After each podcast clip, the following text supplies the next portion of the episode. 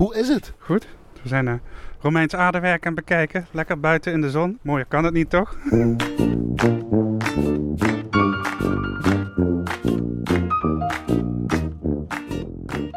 We zijn hier in Seer Arendskerken, dat ligt tussen Goes en Middelburg in Zeeland. En specialist Romeinse amforen Joost van den Berg doet momenteel uitgebreid onderzoek naar die Romeinse villa in Voerendaal. Joost, we zitten hier buiten in jouw tuin. Omschrijf even wat je hier op tafel hebt liggen allemaal. Uh, ik heb hier voor me een, een hele mooie Romeinse amfoor met een uh, stempel erop. Ik heb informatie in mijn laptop zitten en boeken. Ik heb tekenspullen liggen. En nog een kratje met nog meer stempeltjes. De scherven van de opgraving die, die heb ik een aantal maanden geleden al bekeken. En deze objecten die lagen nog in het Rijksmuseum van Oudheden in Leiden. En die worden nu als, alsnog meegenomen in het onderzoek. Wat zijn Romeinse amforen? Even gewoon een schoolkant vragen. Romeinse amforen, dat zijn de, de grote aardewerkcontainers van de oudheid. Die gebruikt werden voor het transport van vloeistoffen. Denk aan olijfolie, wijn, vissaus. Uh, specifiek voor de, voor de lange afstandshandel. Dus wat we voor ons hebben liggen is een amfoor uit Zuid-Spanje. Dus die komt helemaal uit, uh, uit de buurt van Cordoba. En weet je wat erin heeft gezeten dan? Olijfolie. Hoe kun je dat weten? Uh, net zoals tegenwoordig hebben bepaalde uh, containers uh, een specifieke vorm waaraan je kan aflezen wat erin zat. Zeg, een, een wijnfles herken je als een wijnfles ook als die leeg is. Datzelfde geldt voor amforen. Die olijfolie-amforen, dat waren hele grote bolle amforen. En elke Romein wist dat dat, dat, dat voor olijfolie was. dat is een soort container, zeg je al, een soort groot vat. Hè? Over hoeveel liter hebben we het dan? Strikt gesproken is een, een amfora een volume-eenheid, iets rond de 26 liter. Maar die uh, olijfolie-amfora uit Spanje bijvoorbeeld, die gaan al richting de 100 liter. Is dat handel? Is dat uh, om te vervoeren? Was dat voor eigen gebruik? Waarom hebben ze dat ontwikkeld? Dat ligt er een beetje aan uh, wat voor soort inhoud dat we het hebben en wanneer. Uit. Olijfolie bijvoorbeeld, is, dat is super belangrijk voor de Romeinen. Zonder, zonder olijfolie kun je geen Romeins zijn. Ook, ook niet in een gebied waar ze geen olijfolie kunnen maken. Dus aan, aan, aan die kunnen we zien dat dat zwaar gesubsidieerd wordt door de Romeinse staat. Om er maar voor te zorgen dat dat spul bij de mensen in de provincie komt. Dus olijfolie was heel belangrijk voor de Romeinse identiteit. Wijn, ja, is nog steeds heel belangrijk. Dat snappen we allemaal waarom dat ze dat graag willen drinken. Ja, ja, ja, want, want? Want je moet je voorstellen, als jij hier uit de lokale rivier iets gaat drinken, dan is dat slecht water. Je moet dat koken. Dus men had destijds al lang uitgevonden dat als je van die alcoholische dranken dronk, dat je dan minder snel doodging. Het waren niet een stelletje alcoholisten, het was gewoon echt voor de gezondheid bedoeld. Ze vonden het vast lekker.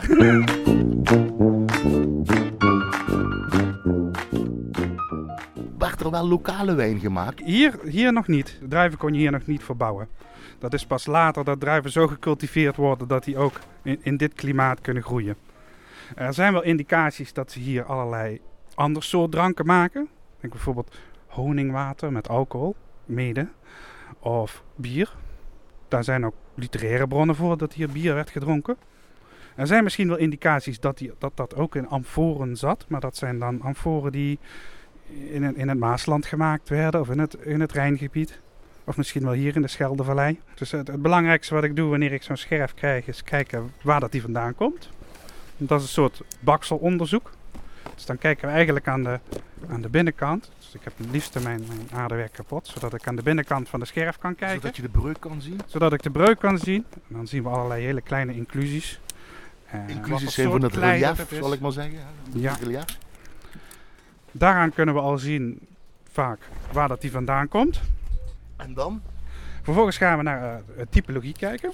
Dus we kijken naar de vorm. En die vorm kunnen we vaak ook zien waar dat wat vandaan komt. Maar daaraan kunnen we dan ook zien wat voor een soort amfoor het is. Nou, in dit geval zitten we te kijken naar een olijfolieamfoor. Maar dat zou dus ook een wijnamfoor kunnen zijn of eentje voor vissaus. En vervolgens kan die typologie ons ook weer iets zeggen over, over de datering. Welke periode je zit. Wat ik aan de amforen kan zien is dat het, dat het bevoorraad is van rond 100 tot aan misschien het, het midden van de derde eeuw. En vervolgens zien we dat er daarna ook nog van alles gebeurt. Maar dat, dat zijn we nog aan het onderzoeken wat dat dan precies is. En wat zie je dan in die periode, wat ze daar gedaan hebben, hoe ze daar geleefd hebben? Of uh, hoe moet ik het zien? Uh, ik denk dat wij vooral naar de rijkere klasse zitten te kijken. Het soort mensen dat wijn dronk en olijfolie gebruikte. Hoe verhoudt de wijn zich tot de olijfolie in de vissaus? Zeg, een, een, middenklasse zal heel veel wijn importeren, wat minder olijfolie. En vissaus is dan helemaal not done. Maar uh, rijkere personen die natuurlijk alles hebben wat wat hun dan definieert als Romein. Zeg, zitten we naar de eerste, eerste eeuw te kijken, dan is uh, Gallische wijn, dat is, dat is het goedkope spul bijvoorbeeld. Dat komt uit Frankrijk, hè?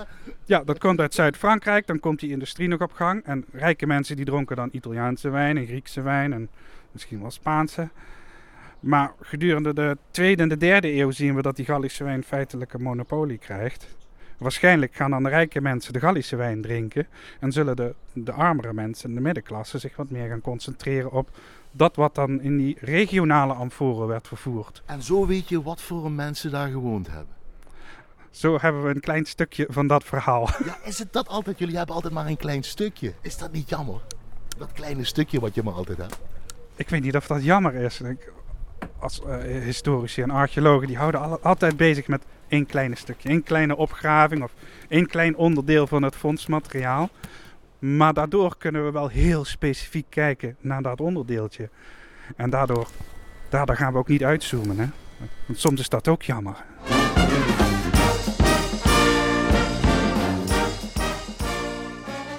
Waar let je op bij de analyse van die stempels? De eerste plaats van wat, wat staat er? Wat staat er echt? Hè? Welke letters hebben ze erop gezet en welke figuurtjes? Heel secuur. Ja, en vervolgens, wat, wat bedoelde die Romein daarmee? Hè? Goeie vraag, wat bedoelde die Romein daarmee?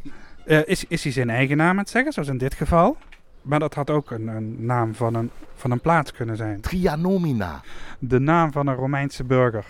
Dus we hadden hier uh, Lucius Fabius Balbus. Lucius is zijn voornaam. Uh, Fabius is zijn familienaam.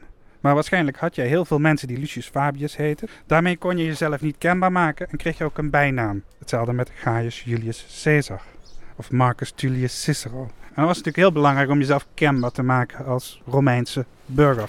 Maar zo zijn tienduizenden stempels en dus ook tienduizenden van die manieren voor die verschillende Romeinen om zichzelf te identificeren.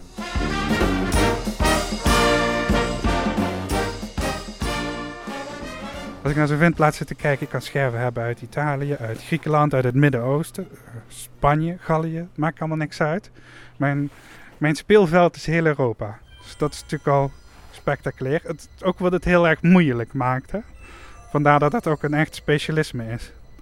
En vervolgens heb je te maken met verschillende aspecten. De ene keer ben ik bezig met, met, met, met die inclusies te bekijken. Waar komt die scherf vandaan? En vervolgens ben ik, daarna ben ik met een stempel bezig. En dan ben ik met, met een Spaans boek bezig om erachter te komen wat die stempel is. Zo wordt het wel heel erg, heel erg divers onderwerp. Ik was altijd al geïnteresseerd in, uh, in geschiedenis. Zeker, zeker de, de mediterrane wereld, hè, de Grieken en de Romeinen. Vanaf kleins af aan dan moet ik dan denken? Van kleins af aan al, ja.